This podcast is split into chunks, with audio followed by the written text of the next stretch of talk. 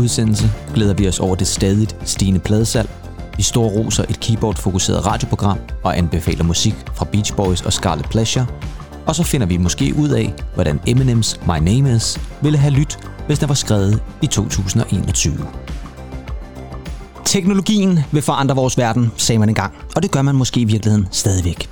Det gælder bestemt også for musikkens verden. Hologramkoncerter med for længst afdøde musikere, coronapas på smartphones som krav til festivaler, computer, der overtager musikernes rolle osv. osv. osv. Men selvom teknologien kan gøre tingene nemmere, så er det stadig vigtigt, at musikken både har personlighed, nerve og ikke mindst sjæl. Og sjæl, det er der ved Gud i himlen også meget af. I noget ved musikken. En podcast om kærligheden til musik, og ikke mindst den gode popmelodi. Og jeg er måske ikke ligefrem The Soulmaster, men om ikke andet, øh, kan man sige, The Toastmaster i denne her podcast. Mit navn er Kim Pedersen, og øh, ved mig, eller med mig, ganske som det plejer at være, har jeg jo selvfølgelig også min øh, værdige og øh, fantastiske musikkammerat, kære Andy Tennant. Jeg sidder her værdig med en øl. Ja. Altså en, en, en god øh, fyns forår har jeg simpelthen øh, taget med mig i dag, og en kop kaffe. Og en kop kaffe. Det er lidt som om, vi sådan skifter fra gang til gang. Så sidder du med en øl, så sidder jeg med en øl. I dag er det faktisk kun kaffen for mit vedkommende. Jeg sidder faktisk og tænker på, om man ikke skulle begynde at få øh, nogle sponsorer på her. Nu har jeg jo for eksempel lige nævnt, at jeg får Fynsk forår her fra Ørbæk Bryggeriet over på Fyn, så øh, Ja. ikke. ikke. De fynske bryggerier gør det jo også rigtig godt, vil jeg sige. Mm. Altså. Ja, Resvinding er det også jo. absolut, ja, lige præcis. Dem skal man heller ikke glemme. Øh, ja, og Albanis IP, der, den, den kan altså også noget. Den kan i den grad noget, vil jeg sige. Men ja. øh, man kan også sige, at øh, selvom vi jo lige nu øh, er nærmest på vej ud i en ølpodcast, så, øh, så er det jo musikken, det handler om. Og øh, Det er det. min lille teknologiske øh, frygtindledning, som jeg øh, ledte ind med her, den vender vi faktisk lidt tilbage til i nyhedssegmentet, hvor jeg har en lidt interessant nyhed. Men øh, ganske som det plejer at være, fordi det er jo sådan så, at det her det er vores øh, sidste podcast, inden vi holder en lille ferie. Det er jo snart påske.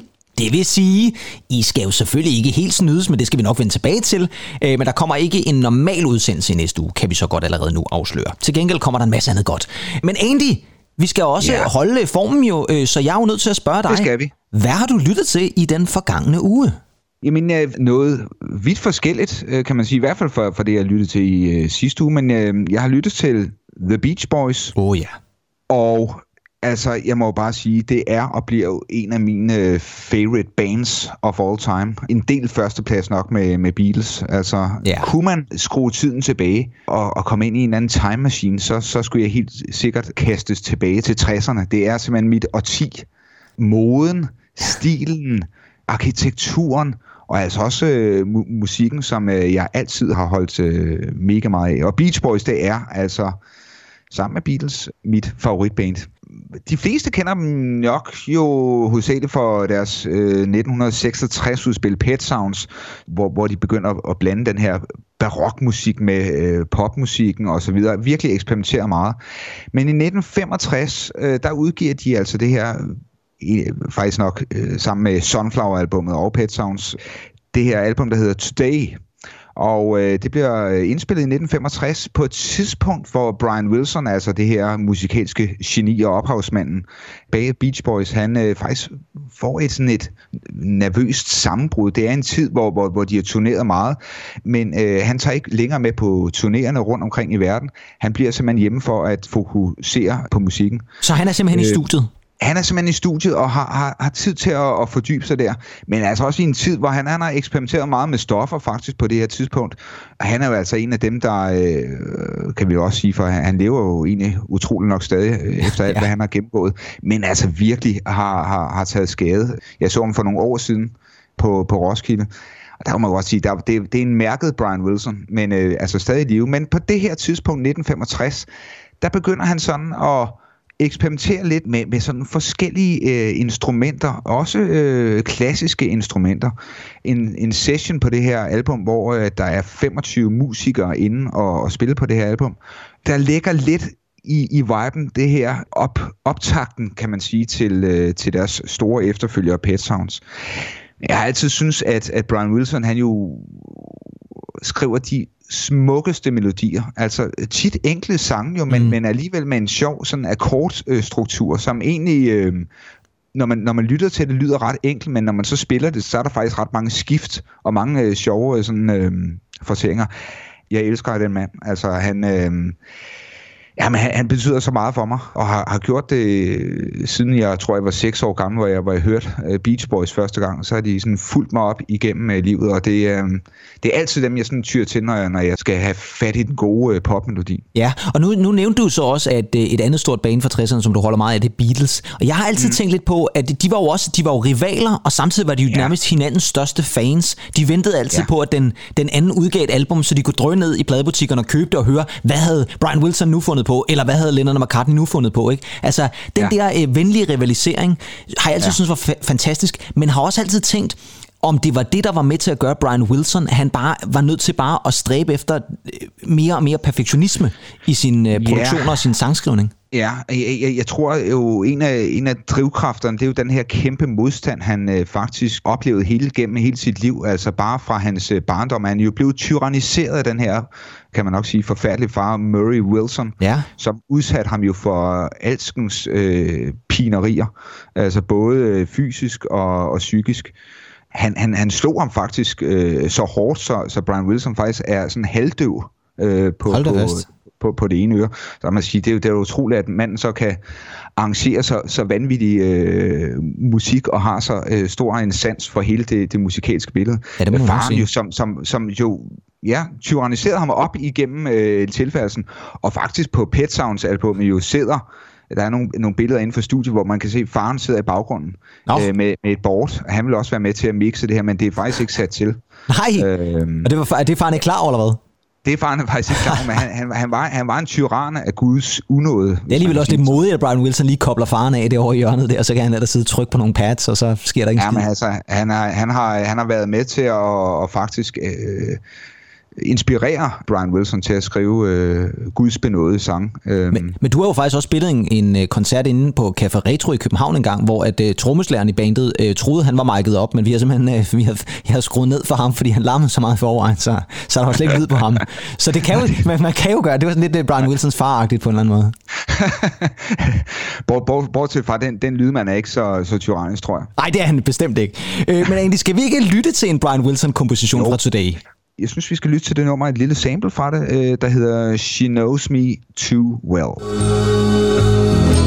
She knows well.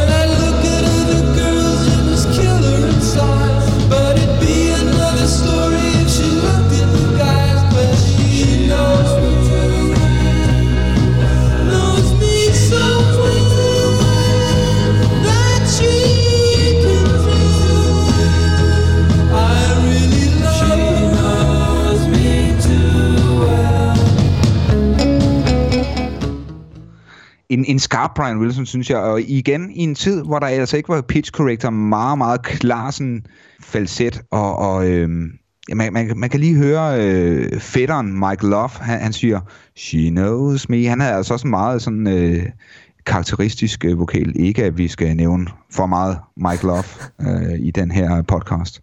Men jeg vil, nej, det, lad, os, lad os øh, endelig komme alt for godt i gang. Og, og så vil jeg også sige egentlig, at, at det er jo rigtigt nok, som man siger, altså når man lytter til et Beach Boys nummer, også sådan, som det her, ikke? Altså, så er der bare noget ved de der øh, vokalarrangementer, som bare er ja. øh, fantastiske. Ja, og så, så har den stadig den her kaliforniske feel. Øh, jeg vil sige, mange af de her øh, West Coast bands, øh, øh, der er kommet frem sidenhen, øh, der er jo rigtig mange, der er inspirations fra Beach Boys, og man kan ligesom høre det også på den her... Øh, kunne være, om det ikke er en Fender-gitar, der bliver spillet her. Down, down, down, down, down, down. Ja, det der kom til sidst der. Ja, og egentlig sådan en, man, man, man sagtens kunne forestille sig at blive, blive spillet på øh, nutidens øh, sådan albums. Altså, jeg, jeg tænker på, på The Real Estate. Vi har... Øh, ja, bestemt. Jamen, jeg tror, du har fuldstændig ret. Der er masser af nutidige musikere, som stadigvæk kigger tilbage øh, til, til det, som Beach Boys og Brian Wilson havde gang i der tilbage i 60'erne. Altså, det, det er eminent, det de lavede. Og lad mig lige sige en gang, at Beach Boys har jo simpelthen solgt millioner af albums, og de er på en masse greatest hits uh, compilations. Alligevel så synes jeg ikke altid, det er så mange, der snakker om Beach Boys sådan i, uh, i, i dagligtale. Der er rigtig mange, der altid kan hele persongalleriet og historien om Beatles, men, men det er ligesom om Beach Boys, det er nogle gange den lidt uh, glemte bror på en eller anden måde. Ja, eller også så bliver det sådan reduceret til uh, Surfing USA, og ah, så er ja. det der nummer for Cocktail Kokomo, ikke? Altså, hvor man bare tænker, ja, okay, er det de to numre, som vi kan huske? Ikke? Altså, det er ja. et eller andet sted ja. også lidt ærgerligt. Men, øh, men fuldstændig rigtigt, øh, jeg ved jo, du er meget passioneret Beach Boys-fan, og jeg tror faktisk også, jeg har lært at sætte mere pris på The Beach Boys igennem dig, så det skal du da have tak for, min ven. Men Andy, du har også lyttet til noget dansk. Nu snakker du om nogle forskellige årtier, og du har også lyttet til noget musik øh, fra et meget nyt årti. Det har jeg nemlig. Der skal vi jo hjem igen på dansk grund. Jeg har nemlig lyttet til Emil, Joachim og Alexanders Scarlet Pleasure. Et, synes jeg, uafrysteligt godt øh, liveband for det første, men altså også et band, som jo øh, har den gode sans for den gode popmelodi. Det må man sige det er ikke en, et band, som jeg sådan har, har lyttet overdrevet meget, så jeg så dem på Northside for nogle år siden, og der må jeg bare sige, altså, har man ikke set Scarlet Pleasure live, så for guds skyld, øh, tag, tag ind og se dem. De er fuldstændig eminente. Især øh, kan jeg godt lide, altså jeg lige alle de tre medlemmer, de har, det er også backing band, men, men øh, bassisten, Alexander der, spiller vidunderlig bas, og jeg er helt vild også med, med deres trommeslager Joachim Denker, som jo øh, på, på, på nogle måder minder lidt om sådan en, øh, kan du huske trommeslageren fra... Øh, No Doubt, Adrian Young. Ja, ja, ja, ja bestemt. Jamen, han kan godt minde sådan ja, lidt det, om det, det, er faktisk, det er nok rigtigt, ja. Række tungen ud af munden, ja. og uh, sådan måden, han spiller på, er pissegodt band. Altså, og jeg synes, øh, deres, deres plade her for, for 2020, der hedder Garden, der øh, er der altså også nogle rigtig interessante numre på. Vi havde jo What a Life, Ja, vi snakkede om What a Life sidste uge, ja. jo, som jo er, øh, kan man sige, afslutningsnummeret, uden at spoil alt for meget, men afslutningsnummeret i, i Thomas Winterbergs druk. Men øh, vi skal have fat i et lidt andet nummer den her gang. Det er måske et lidt øh, sådan øh, fysisk øh, workout-nummer, ja. øhm, som hedder Push-Ups. Ja, lad os lige lytte til det en gang. Ja.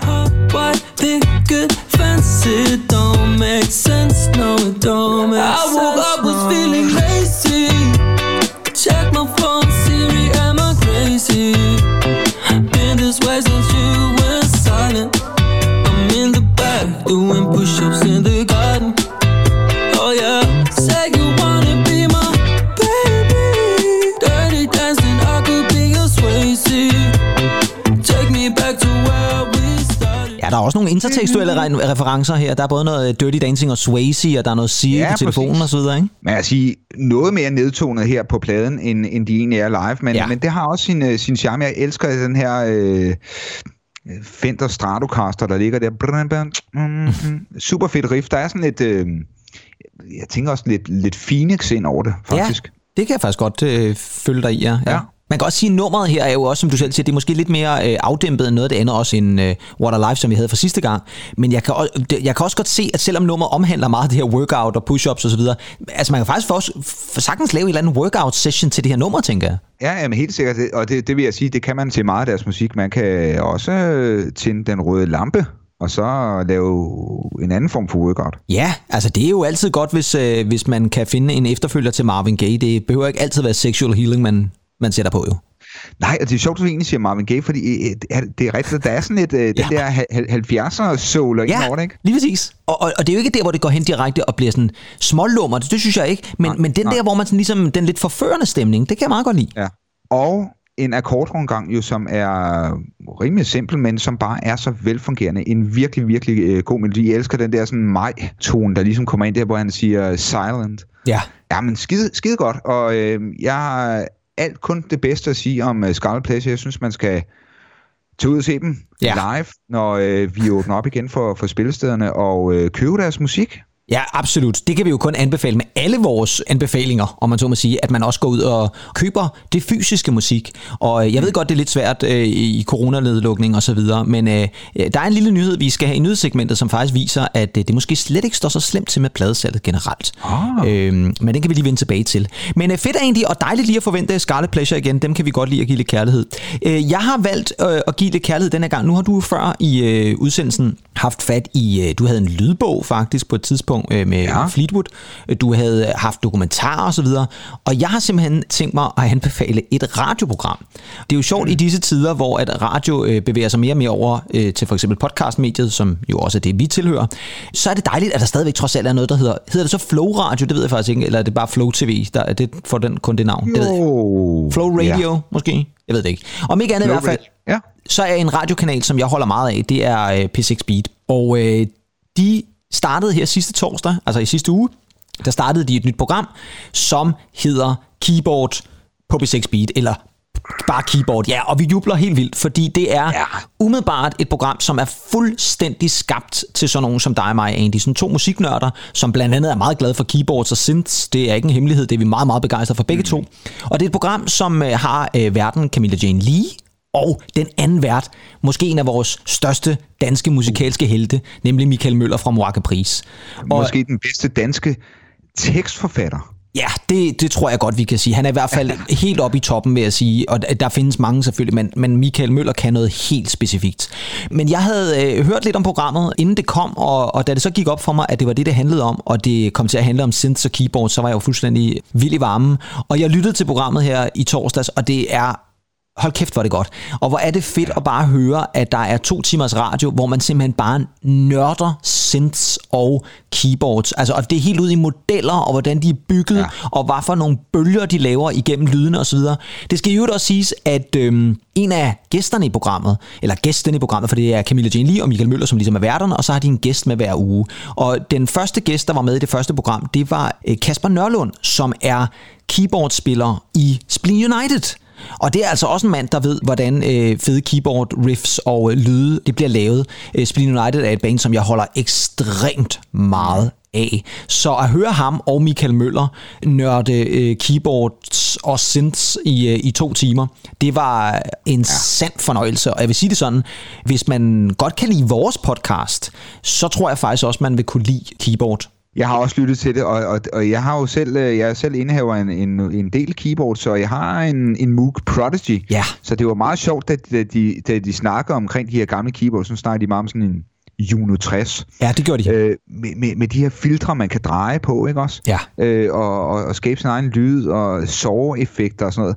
Jamen, det er virkelig, virkelig inspirerende at høre på. Jeg synes, det er så fedt, de har de her... Øh, gamle keyboards med ind i studiet. Ja, sindssygt også fedt. Man, og så også man hører et gammelt øh, kla- hvad er det, er det Debussy-nummer ja, det, eller et eller andet? Ja, det er noget den Det er noget Debussy, som, som jeg tror, som er blevet øh, øh omsat via synths eller sådan noget, der spillet på synths. Ja. Det er sindssygt fedt, ja. Så der bliver også spillet noget musik. Det er ikke bare det der, øh, selvfølgelig bliver der spillet Depeche Mode og alle mulige andre ting, og så også, men, men det er heller ikke kun de der klassiske tracks, der bliver spillet. Det er også en masse andet. Og, og så, jeg var skulle lige ved at fælde en tår, vi har jo hørt det nummer, øh, Pedersen, så meget. Jeg tror også, det, det er fordi, man koblet op med en masse minder, men, men, men da hun siger, Camilla Jenny, vi skal også lige høre lidt af dit, Michael Møller, altså, de, da de går over i To The Lighthouse, ja, det ikke også? Altså, ja.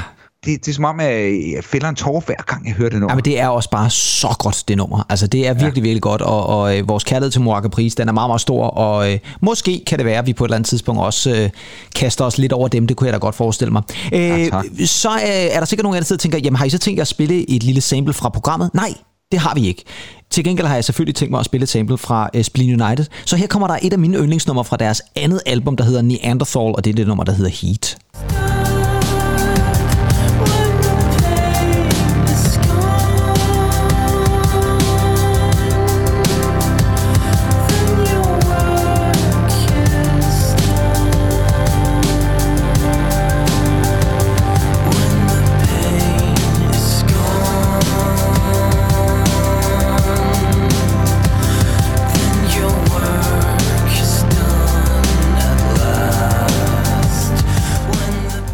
Det er sjovt, fordi at når, når folk tænker Spleen United, så er det jo altid knald på, og Suburbia, og Spleen United, og en peak ja. fitness condition og sådan noget. Og det er jo alle sammen fremragende med numre. Men lidt ligesom du nævnte med Scarlet Pleasure, så, så er jeg helt vild med det her nummer, fordi der sætter de tempoet ned, og samtidig er det stadigvæk enormt elektronisk og meget følsomt, og øh, super lækkert. Det er bare få lov til at køre øh, i nogle, i nogle, sådan nogle loops øh, med bare instrumental. Det er super fedt. Ja, så tænker jeg også, der er et eller andet sådan lun øh, sommernat over det her, ikke også? Jo, helt vildt. Sætte sig ud i bilen, måske med en kop kaffe, og så i juli måned køre ud igennem sommernatten. Ja, men øh, i hvert fald så øh, lyt til en masse Blin United, masse Mor Caprice, og ikke mindst gå ind og lyt på B6 Beat til keyboard. Det ligger i øvrigt også som podcast nu, så man kan altså også gå ind og finde det der, hvor man finder os. Der kan man jo så også lige gå ind bagefter, man lytter til vores episode, og gå ind og skrive keyboard, og så øh, får man sig en god oplevelse. Og øh, nu er vi jo så nået til et andet segment, som vi holder meget af, og det er det her. Noget ved musikken præsenterer nyheder fra musikkens verden.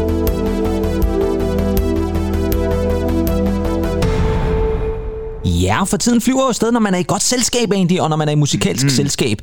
Øhm, den første nyhed, som jeg lige synes, vi skal have fat i, og det er lidt af det, som jeg også startede programmet med. Fordi der var en nyhed, jeg læste i går, tror jeg det var, som, øh, må jeg alle indrømme, greb mig lidt.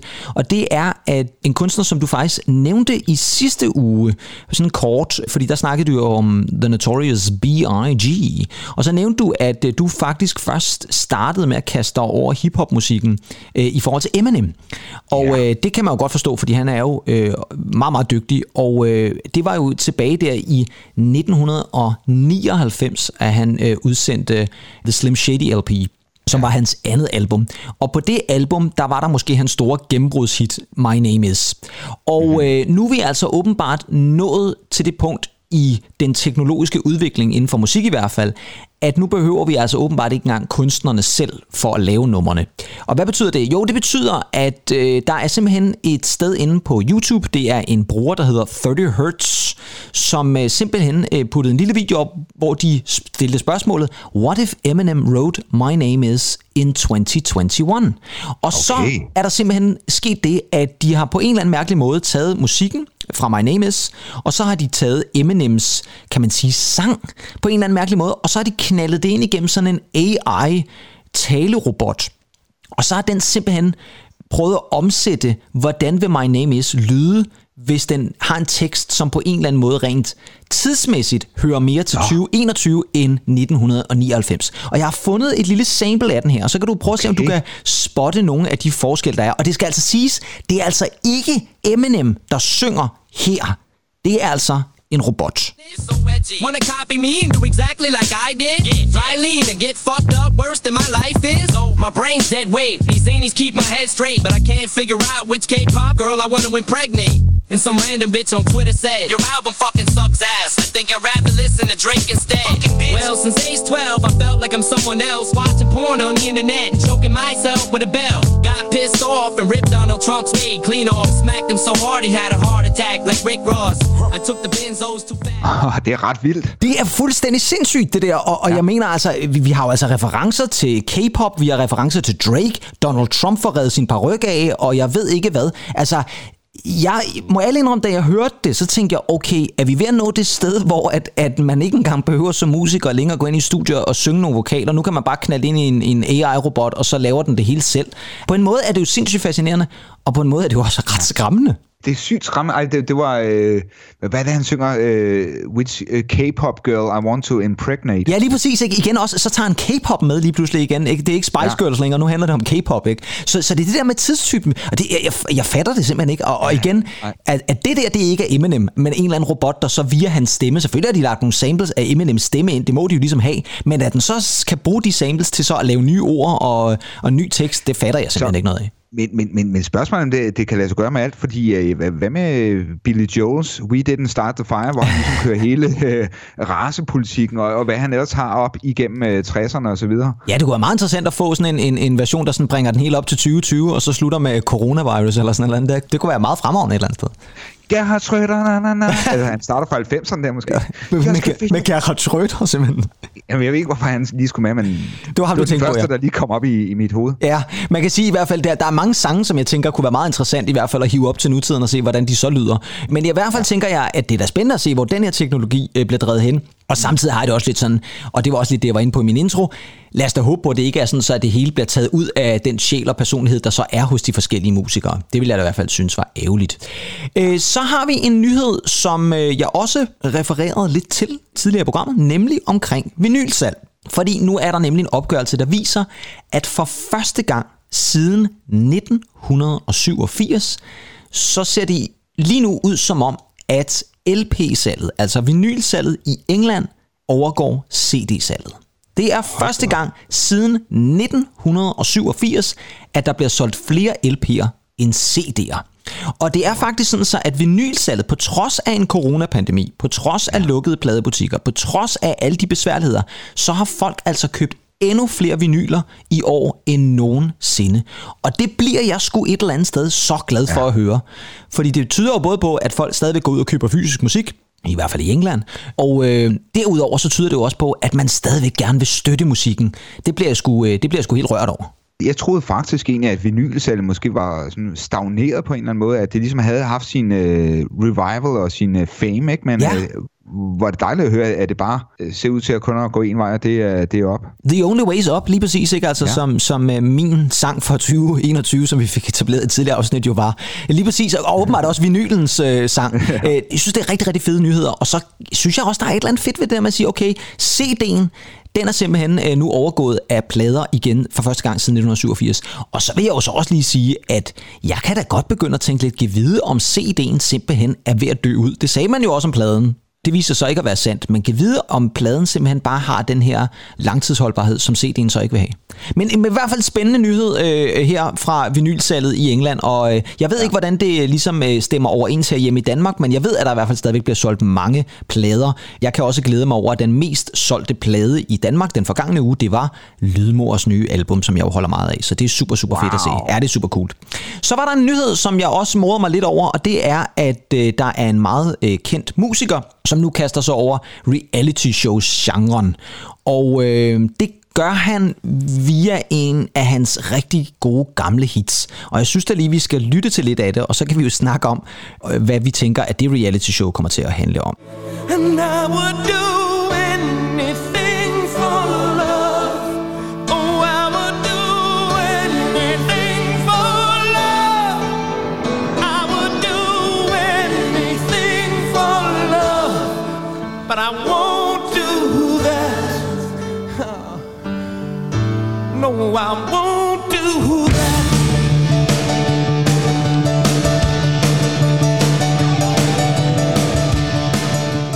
Ja, og så efter sådan cirka to timers intro, så fik Meatloaf altså startet nummeret øh, rigtigt. Det her, det var uh, I Do Anything for Love But yeah. I Won't Do That, øh, som yeah. var øh, Meatloafs store comeback-single, kan vi vel godt kalde den, som kom tilbage i 1993. Og hvad var det så, han ikke ville? But I Won't Do That? Ja, det er jo lige præcis det. Og det er jo så også her, at reality-showet kommer ind, fordi reality-showet kommer simpelthen til at hedde I Do Anything for Love, but I won't do that. Og det handler altså om åbenbart et eller andet reality show, hvor at øh, øh, forskellige par så øh, kommer på og skal lave nogle små hyggeleje, hvor de altså udfordrer hinanden til, om forholdet kan holde øh, ud for nogle små challenges. Altså, I do anything for love, but I won't do that. I won't touch a spider, eller I won't øh, jump out of an airplane, eller et eller andet.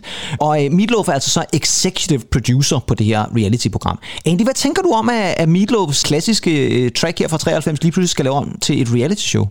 Jamen altså, jeg er øh, generelt jo, jo rystet. Jeg er ikke den store reality-show-mand. Øh, jeg tror ikke, jeg har set et reality-show siden Robinson, dengang med øh, Dan Marstrand. Og, Nej, det er godt nok også mange år siden, vil jeg sige. Og Martin og Hanne og alle de der. Men, men øh, ja, jeg, jeg, jeg, jeg ved det ikke. Altså, øh, ja, ja, ja, hvad fanden skal jeg sige? I, I won't do that.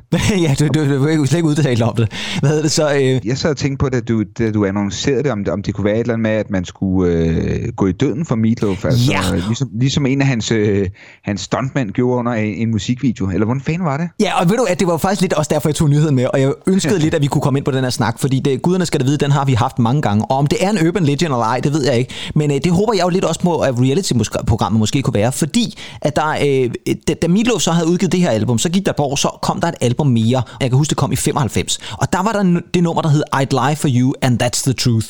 Og den video, det var noget af det mest vanvittige, jeg nogensinde har set. Det er jo nærmest en form for Indiana Jones-film med øh, Meatloaf i rollen som sidekicket til Indiana Jones. Og det er en fuldstændig sindssyg video med, med skuddueller og biljagter og helikopter, der springer i luften. Og det vilde er vist nok, at der gik jo altså rygter om, at der var stuntmænd, ja. flere stuntmænd, der var døde under optagelserne af den her Meatloaf-video. Men som et eller andet sted sagde, at de ville gerne proppe døden for Meatloaf, ja. for at det blev en fed musikvideo. Men det er også en vanvittig musikvideo, og jeg sad faktisk her forleden dag og prøvede, om jeg kunne finde musikvideoen. Fordi det er mange år siden, jeg set den. Og det lykkedes mig altså kun at finde halvandet minuts klip. Men der er det altså også bare Meatloaf, der både øh, øh, er med i en biljagt, og så er der en, en, en skurk, der kaster en stang dynamit ind i bilen, og, og Meatloaf, der, der kænger ud over en, en, en sto, stor... Ja, men det er voldsomme ting, og ja. de andre er lidt ligeglade med ham, fordi han har jo bare sidekicket Meatloaf. Stakkels Meatloaf hænger der, mens uh, Indiana Jones pastigen, han løber afsted med hende der uh, uh, sangerinden der. Men jeg synes da, at vi skal prøve at følge lidt med, hvad der sker med det her reality-program, og jeg tænker, at det er i hvert fald noget, vi måske kan følge op på, fordi jeg synes, uh, selve konceptet omkring at, at, at, at lave et reality-program omkring sange, og måske kunne man jo så også begynde at tænke videre på, er der andre sange, hvor sangtitlerne simpelthen vil gøre så godt som et reality-program? Altså, ja. det kunne da godt være, at uh, der er andre sange, som, uh, som man bør lave om til reality-programmer. Det kan vi i hvert fald lige mm. tænke over til næste gang måske. Ja. Og så kan vi lave en top 5 over bedste sangtitler, som Ej, kan blive reality-programmer. Det gør vi. Det, det, kunne være, det kunne være lidt sjovt, ja. Og det betyder faktisk, at nu er vi nået over til det her. Hitlister fra fortiden. Ja, og øh, det er jo altid et segment, vi holder meget af. Hitlister fra fortiden, og øh, i som det er lovet egentlig i virkeligheden, så skal vi faktisk blive i 90'erne. Vi rykker faktisk kun et år frem øh, fra der, hvor vi var i sidste uge. I sidste uge var vi i 1993. I år er vi i 1994. Og hvad tænker du så egentlig? Jamen 1994, hvad tænker jeg? Jeg tænker, øh, jamen hver gang jeg faktisk tænker, når, når jeg tænker noget musikalsk inden for 1994, så tænker jeg jo på Kurt Cobains død faktisk. Ja. Jamen det, det var jo et smertens år simpelthen. Ja, det må man øh, sige. Så, tænker, så 1994, så tænker jeg også, øh, jeg tænker faktisk også Eurodance. Ja, og det var jo også det, vi kunne fornemme lidt på 93'erne. Og jeg vil sige det sådan, jo, der er måske noget også på den her top 5, som har lidt Eurodance-agtigt, men måske ikke helt på samme måde som No Limit, vi havde med Tune Limit til det sidste uge, som er et klassisk track øh, i virkelig Eurodance-genre. Der er noget, som, som ligger lidt derhen, vil jeg sige. Ja, og så tænker jeg faktisk også nu, når vi kommer lidt længere ind i samtalen her, så tænker jeg, at det er her, hvor de svenske superproducer måske kommer lidt mere i spil. Det kunne man godt forestille sig. Det er, ikke, ja. det er ikke et dumt bud, lad os sige det sådan. Okay. Jeg kan sige også, øh, bare lige for at være præcis, at hitlisten, vi skal have i dag, det er fra den 27. marts 1994. Og vi starter jo fuldstændig, som altid, på femtepladsen, og der finder vi en sang, som er gået ind i top 5 øh, i den her uge, fra sidste uges syvende plads. Og det er en kunstner, som, øh, det er bestemt ikke Eurodance, det er nok mere over i sådan noget, igen lidt det der dancehall reggae, som vi også havde lidt fat i sidste gang, øh, noget rap, og øh, så er det en meget kendt og dygtig producer, der stod bag projektet. Det er det band, eller projekt, der hedder Real to Real, og det her det er sammen med The Mad Stuntman, og nummeret, der jo så kort og godt hedder I Like to Move It. I like to move it, move it. I like to move it, move it.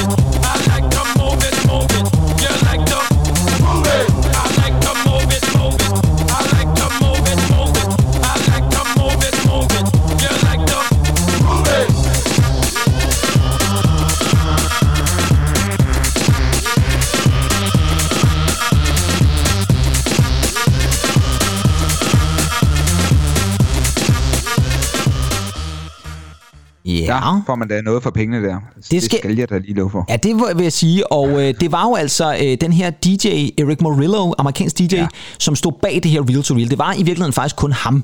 Og så havde han altså forskellige øh, gæsteoptrædener med. Og på det her nummer var der altså ham, der hed The Mad Stuntman. Og han var altså med på flere af de her Real to Real numre. Og det her, det var ubetinget deres aller, allerstørste hit og Eric Morello, som jo døde for nogle år siden, han døde, faktisk, han døde faktisk sidste år. Var det øh, sidste år, ja? Ja, det var det faktisk. Øh, han døde i, ja. i ja, september måske, eller sådan noget tror jeg det var, øh, af en overdosis, sådan som jeg husker det. Meget, meget trist. Han var ikke så gammel, og var efterfølgende, inden, efter det her nummer, efter den succes, han havde med Real to Real, har han været en meget, meget, meget, meget populær DJ rundt omkring i verden, og har vundet masser af DJ-priser osv. Så, så en meget, meget dygtig DJ. Et eller andet sted har jeg altid synes, det var lidt ærgerligt, at han ligesom blev kendt mest for det her nummer, som er et nummer, ja. som sætter ham lidt i bog, synes jeg faktisk, fordi jeg har øh, set nogle optagelser, hvor han står og DJ'er, og han var fantastisk, altså virkelig, virkelig ja. dygtig. Men vil, vil du ikke også sige, at det her det er jo et meget langtidsholdbart nummer, ikke? Altså, det er, det er jo et nummer, som man, man stadig kan høre. Altså, jeg kan huske øh, min datter. Ja. Hun, øh, hun, hun, hun snak, sang pludselig det her for, for nogle år siden, da Ej, hvor sjovt. daværende øh, tidspunkt gik i børnehave. Ja. Så Ja, altså det, det er jo noget, der stadig sådan florerer man rundt omkring. Jeg synes også, vi har hørt nogle elever nogle gange øh, høre det eller synge det, ikke? Jo, og jeg tror faktisk også, det er, det er sådan et nummer, som har det med at dukke op i film. Nu kommer jeg med et kvalificeret bud på, hvorfor at din kære datter måske har siddet og sunget det. Øh, jeg mener, det er med i den film, der hedder Madagaskar. Det der animationsfilm, gider hun måske kan stødt oh, på det der. ja, det har hun da nok set. Ja, det er i hvert fald et nummer, som bliver brugt rigtig, rigtig meget, og det er jo også det er jo lidt, ja. et sjovt nummer i virkeligheden. Og der er, som du også selv siger, man får godt nok noget for pengene. Der er også en musikvideo, sådan, som jeg husker det, hvor der i hvert fald bliver rystet en vis øh, lemestel i en vis grad. Og så tror jeg ikke, jeg behøver at sige mere for at citere din far. Øhm, hvad hedder det så? Øhm, på fjerdepladsen, der har vi et andet nummer, som øh, jeg tror, de fleste måske også kan genkende til. Et andet nummer, som, øh, som er gået op af listen, altså fra sidste uges femteplads til den uges fjerdeplads. Og det er et nummer, som lidt ligesom nogle andre af de tracks, vi har haft fat i i de forgangne ugers hitlister, har været udgivet nogle gange. Det startede med at blive udgivet i 1992, så blev det ændret en lille bitte smule, og så udkom det i 1993, og så blev det ændret en lille bitte smule, og så udkom det i 1994, og det var så der, at det nåede den her høje hitliste placering. Og den sidste version, det var i et øh, specielt Perfecto remix, og til dem af jer, der kender lidt til det navn, så er det jo øh, det navn, som øh, den store anerkendte DJ, Paul Oakenfold, han bruger. Øh, han var meget, meget øh, populær som remixer der tilbage i midt-90'erne. Og det er et nordirsk band, vi skal have fat i, og det er det band, der hedder D-Ream, og det nummer, der hedder You Are The Best Thing. You're the best thing I ever had. Kind of feeling I've been searching for at last. You're the best thing, see me through. I never thought that any love could be so true.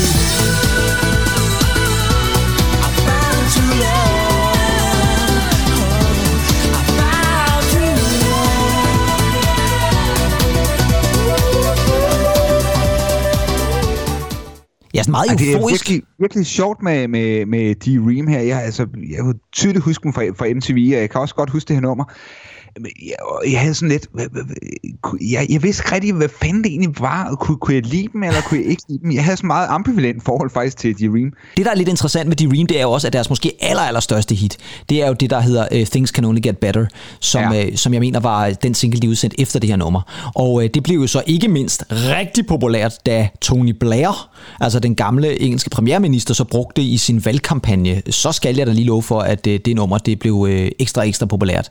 Og så en lille sjov fakta. Når de Ream var ude at spille live, øh, så havde de jo selvfølgelig nogle øh, musikere med på scenen, og nogle live-musikere med, og en af dem, de faktisk altid typisk havde med ude øh, og spille keyboard faktisk, nu snakker vi om keyboard tidligere, keyboardspilleren, når de var ude at spille live, det er en øh, mand ved navn Brian Cox. Og det er altså ikke skuespilleren Brian Cox, men derimod øh, partikelfysikeren, måske en af verdens klogeste mænd Brian Cox, som simpelthen spillede keyboard. Oh. Det var simpelthen inden han blev partikelfysiker. Han er altså, når det handler om videnskab og science og sådan noget der, der er han jo en verdensklog mand. Men der findes altså YouTube-klip fra Top of the Pops, hvor at uh, Brian Cox står og giver den gas på et keyboard bag ved uh, D-Ream. Så uh, det kan man jo gå ind og, uh, og opsøge. Uh, givet, hvordan man kommer fra uh, keyboardspiller i, i et nordisk band til, uh, til partikelfysiker. Ja, det, det, det, det, det er måske gået, men der er måske et eller andet med noget skruen på knapper og øh, teknologien i det hele. Jeg sidder og tænker på at kunne ved, om øh, der havde været plads til Holger Bæk Nielsen i Gonsen Fladså, eller bare øh, Mona Agenda, eller et eller andet. Det kunne ellers være fantastisk. Og jeg tænker faktisk, jeg kan faktisk huske, at jeg engang øh, så et interview med Holger Bæk, og så viste de sådan et klip. Her kommer øh, Holger Bæks yndlingsmusikvideo. Og så var det øh, David Bowie og Petty Boys med Hello Space Boy, hvor jeg sådan tænkte, okay, what? Altså, det er Holger Bæks favoritmusikvideo, det fatter jeg da ikke noget af. Men det var det altså åbenbart. Øh, men jeg tænker også et eller andet sted egentlig, altså, hvis Brian Cox kan, så er der vel også håb et eller andet sted. Giv vide, om du skal sådan ud at være kvantematematiker eller et eller andet på et eller andet tidspunkt måske? Jamen altså, det tror jeg aldrig nogensinde øh, kommer til at ske. Jeg skal lige have øh, nærstøttet af den der færdighedsregning fra, øh, for slut 90'erne igen så. Ja, eller så kan du tage en af de der grønlandske regninger. De skulle vist være lidt nemmere, har jeg hørt. Hvad hedder det så?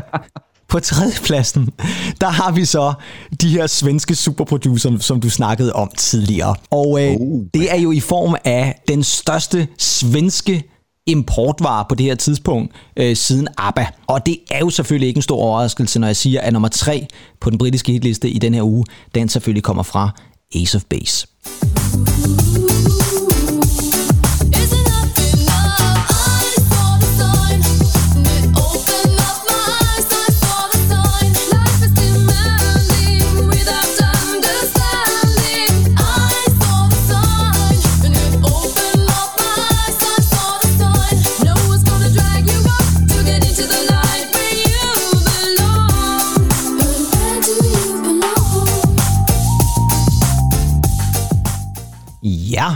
Du er jo kæmpe fan af Ace of Base, og det siger jeg faktisk engang for sjov. Det er du jo. Nej, Jamen, det er jeg jo faktisk. Det var jeg jo måske nok mere dengang. Ja. Og, det... øh, og, og, og, og, og, og lytterne her af tidligere programmer vil, vil måske tænke, hvem, hvem er den mand, der, der sidder der bag skærmen, ikke? Jo. Øh, er det Jens Weimann, eller er det, er det en skizofren Andy Tennant? Fordi jeg, jeg, jeg, jeg siger jo, jeg, jeg hører skaterpunk, og jeg hører dødsmetal, og jeg hører Beach Boys, og kunne hjælpe mig også Ace of Base, men jeg har altid været tilhænger af den gode melodi, og et dødsmetalnummer kan jo være lige så godt. Øh, Jamen, det er jo det, det kan. Det er jo det, det kan. Ja, hvis, hvis den har nerven, og, den, øh, og det er gode udtryk. Og jeg synes sgu, Ace of Base, at de øh, kunne igen melodien, og kunne igen den her dejlige, øh, nyskabende produktion, som jeg faktisk synes, det var. Takket være, hvad var det, han hed, Jonas Berg og Ulf, og Ulf, Ja, Ulf, det var Ulf lige præcis. Ikke? Og så tror jeg faktisk, ja. at Dennis Pop er ind over den her øh, ja. sang også. Dennis Pop, som også er død jo. Som desværre også er død, ja. Og det skal altså siges, at det er altså en lille bitte smule forvirrende med Ace of Base, fordi de udsendte jo oprindeligt deres første album, debutalbummet Happy Nation, i 1992. Der blev det udsendt i hvert fald i Sverige og i Danmark osv. blev et kæmpe, kæmpe, kæmpe stort hit. Så gik der et år, så var succesen så noget til USA, men i USA, der er det jo sådan så, at der havde pladselskabet jo øh, selvfølgelig godt kunne lide deres singler, All That You Want, og Happy Nation og Wheel of Fortune og sådan nogle ting, men de ville også gerne have nogle nye sange. Og en af de nye sange, det var så det her nummer, The Sign. Og da så ja. albummet blev udgivet i USA, der valgte de så at opkalde albummet efter det nummer. Så i USA, der hedder Happy Nation faktisk The Sign. Øh, selvfølgelig med nogle nye tracks og en lidt ny øh, oh, yeah. øh, trackliste. Og nu er det så, det begynder at blive rigtig underligt. De numre skulle så også udgives uden for USA. Og det vil sige, at i 1993, øh, og det var faktisk, så, så er vi nærmest over i starten af 94, så udkom så et andet album fra Ace of Base, der hed Happy Nation US Version, som så ikke var US version, for den var ikke udgivet i USA, den var udgivet i Europa, men hvor The Sign også er på. Så det er sådan meget forvirrende. Altså jeg kan huske, at jeg troede faktisk, men, at Ace of Base udgav masservis af album, og i virkeligheden er det faktisk det samme album, de har udgivet, under sådan tre forskellige navne inden for et par år. Ja, den forklaring, du lige gav der, den, øh, den kan jeg virkelig godt have hørt øh, gengivet af Lars Løkke på, på talerstolen i Folketinget. ja, det... Den, der har mere, altså for mindre, men mere, mere, og at Wheel of Fortune blev udgivet. Som fik mindre, end som de andre får mindre. Jamen lige præcis, ikke? Altså man kunne sagtens forestille, at det ville gå fuldstændig galt. Det er bare for os ligesom at sige, at det er en, en lidt underlig øh, måde at, at gøre det på. Men The Sign og Ace of Base var jo altså ja. Kolossalt store. Det er jo noget med, at Happy Nation har solgt øh, langt over 20 millioner albums og sådan noget. Det er fuldstændig sindssygt. Øh, det var altså på en tredjeplads i den her uge på single-listen. Øh, den gik ned fra nummer to ugen før. Og bytter altså plads med en sang, som var nummer tre sidste uge, nummer to den her uge. Og der skal vi have fat i et nummer fra en film, som blev udgivet i 1993, slutningen af 1993. Øh, og det gjorde den måske, fordi at der var nogen, der tænkte, det her det kan godt gå hen og blive sådan en rigtig Oscar-film. Og det skal jeg så love for, den gjorde. Den vandt i hvert fald på Oscars. Blandt andet vandt den her for bedste originale sang. Og det er selvfølgelig Mr. Bruce Springsteen himself og Streets of Philadelphia. night is falling, I'm lying awake. I can feel myself fading away. So receive me, brother, with you faithless kiss, or will we leave each other alone like this on the streets of Philadelphia?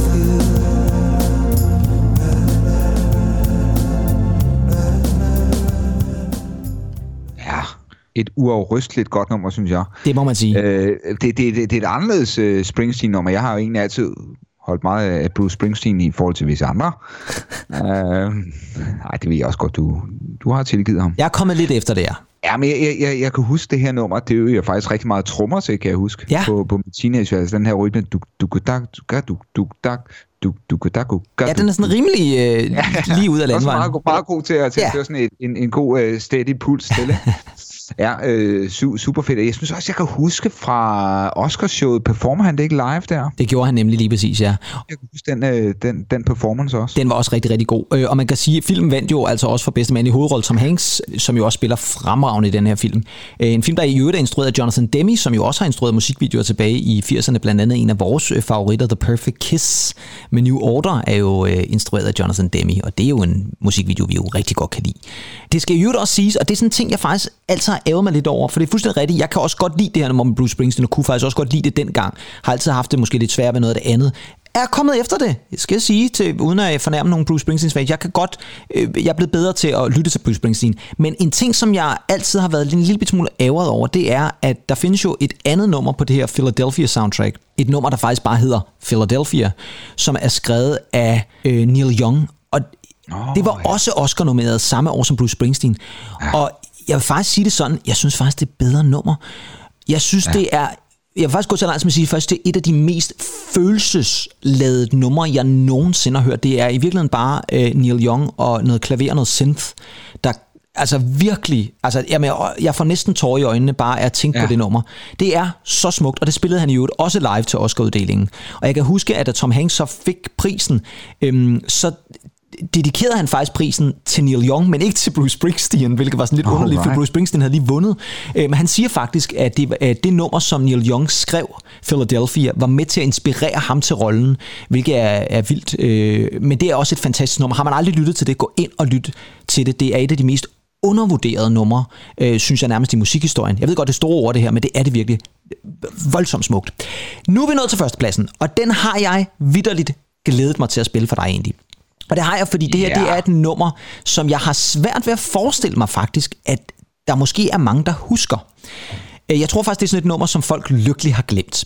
Og det kan jeg et eller andet sted måske godt forstå. Og samtidig så ved jeg jo også, at vi to øh, er jo musiknørder egentlig, og derfor skete der også mm. det for mm. nogle år tilbage, at vi jo faktisk, kan man sige, jeg ved ikke, om man kan sige, vi genfandt nummeret, men vi, vi, det blev nærmest et form for tema til en af vores øh, mange roadtrips, som vi altid har haft. Øh, det her, det var i hvert fald et nummer, vi spillede meget på den her roadtrip, og så kan vi jo så komme ind på, hvordan vi spillede det efterfølgende. Men det her, det er ikke engang løgn, det her, det var nummer et, og lå nummer et i tre uger på den engelske single liste der i marts måned 1994, og nummer et, er, øh, ja, det lyder altså sådan her.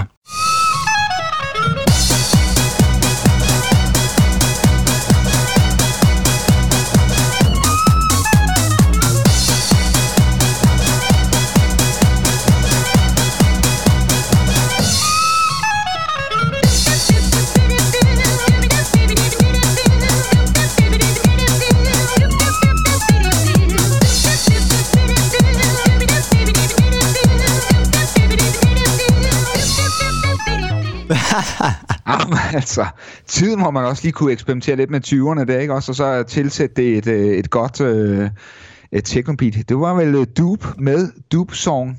Ja, Dupe, jeg tror faktisk bare, den hedder Dupe, men jeg tror så, den blev kendt som The Dupe Song. Det er Dupe med Dupe. Det er selvfølgelig måske ikke overraskende et hollandsk projekt, fordi de havde det altså ja. med at spytte nummer ud øh, i Holland øh, der på det tidspunkt. Og det er altså et nummer, som vi af en eller anden årsag genfandt for et par år tilbage egentlig. Og øh, vi kan måske også lige fortælle vores lyttere, at den måde, vi jo faktisk brugte det på i vores roadtrip, det var ved at, og i virkeligheden, at den ene af os simpelthen skulle spille det så højt lige ind i fjeset på den anden, mens den anden lå og sov. Så det var typisk den måde, vi vågnede.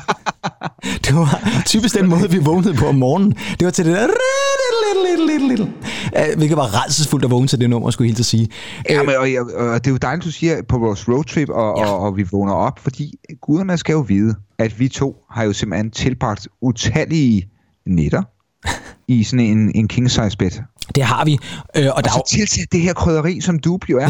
ja, det og så bliver det måske ekstra pikant, ikke? Så bliver det ekstra pikant, ja. Og jeg vil sige det sådan, altså jeg har jo set øh, dig ryge ud i sådan en, en, en Charleston-step der til det her nummer, øh, hvilket var vidderligt imponerende. Det er jo sådan et lidt, et lidt sjovt øh, måde, hvor man tager sådan noget øh, jazzet øh, Charleston jazz, og så øh, knaller det ind over sådan et, øh, et lille beat, og så det der som altså var før Dubi Dub, skal lige siges. Den kom altså i 95, ja. den her øh, hvor det her nummer fra 94. Så, så de var altså først, Dub var først. Og jeg har altid tænkt på, at give om Me and My-pigerne var inspireret af det her nummer, altså Dubi Dub og Dubi Dub Dub. Der er jo lidt over det, vil jeg sige. Om ikke andet i hvert fald, så er det...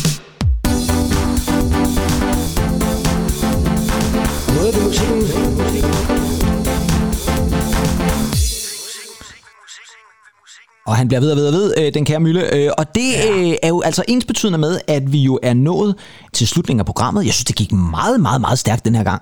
Jeg, jeg, jeg tænker lidt, øh, nogle gange, når vi, øh, vi har optaget, så har vi jo været to-tre timer, fire timer. Der var på et tidspunkt, vi havde bortet med Besten Session jo nærmest. Ja, det var lige før, ja. I, i, i optagelængde. Men øh, Ja, yeah, altså jeg er også færdig med min fynske forår her. Jamen så passer og... det måske meget godt. Jeg tænker faktisk, yeah. apropos, når du siger det der med, med bordet med blæsen og så videre, man faktisk kunne gøre et eller andet med, at man på et tidspunkt timede bordet med blæsen over på et fjernsyn, og så skal vi sådan prøve at se, om vi kan, kan ramme den samme længde. Altså jeg kan huske, der var den gang, hvor vi tog en eller anden fave op i Nordjylland, øh, som vi havde fundet ud af, tog to minutter, og så skulle oh, vi, vi skulle time øh, overfarten til Song 2 af Blur, hvilket faktisk passede. Jamen, men der, der mener jeg så faktisk også, at man, man har jo faktisk målt ruten efter den sang. Der, ja. den, den, den, den passer jo efter, vi skulle afprøve teorien, og den passer jo er fuldstændig perfekt. Den, den passede fuldstændig perfekt, hvilket vi var meget imponeret over, at Song 2 ligesom åbenbart har været udslagsgivende for en færgerute op i Nordjylland. Men faktum er i hvert fald, at øh, der er noget ved musikken, og der er jo, jo rigtig mange dejlige musikalske referencer, også øh, åbenbart i øh, den danske øh, færgetransport. Øh, Andy, som altid har det jo været en fornøjelse at have dig med her i øh, udsendelsen, og nu snakkede vi jo om i starten, at øh, yeah. der kommer jo ikke en normal afsnit 10. Det her det var afsnit 9, der kommer ikke et afsnit 10 i næste uge. Til gengæld kan vi allerede godt nu afsløre, at der kommer øh, vores outtakes fra Morten Philipsen-interviewet, som vi har jo lovet. De kommer, øh, tænker jeg, på fredag i næste uge. Og ja. så vil jeg ikke afvise, at der måske kunne komme et ekstra lille lækkert påskeæg til jer, også i løbet af påsken. Det er i hvert fald noget, vi arbejder lidt på. Øh, og indtil at øh, vi jo snakkes ved i næste uge, så skal I jo huske at gå ud og købe en masse musik. Øh, nu er øh, genåbningen jo i gang, og det vil sige, at pladebutikkerne nogle steder i hvert fald er åbne. Så jeg synes, man skal gå ud og støtte musikerne. Og om man så køber Beach Boys, eller Bruce Springsteen, eller måske Dupe, ja, det er jo så helt op til jer selv.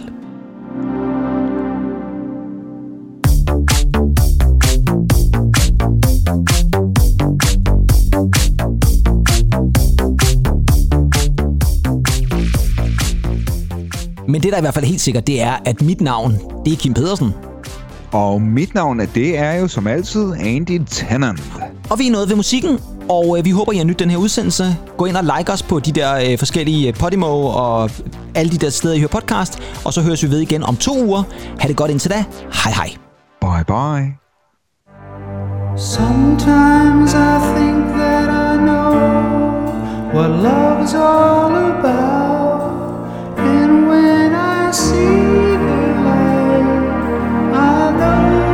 will be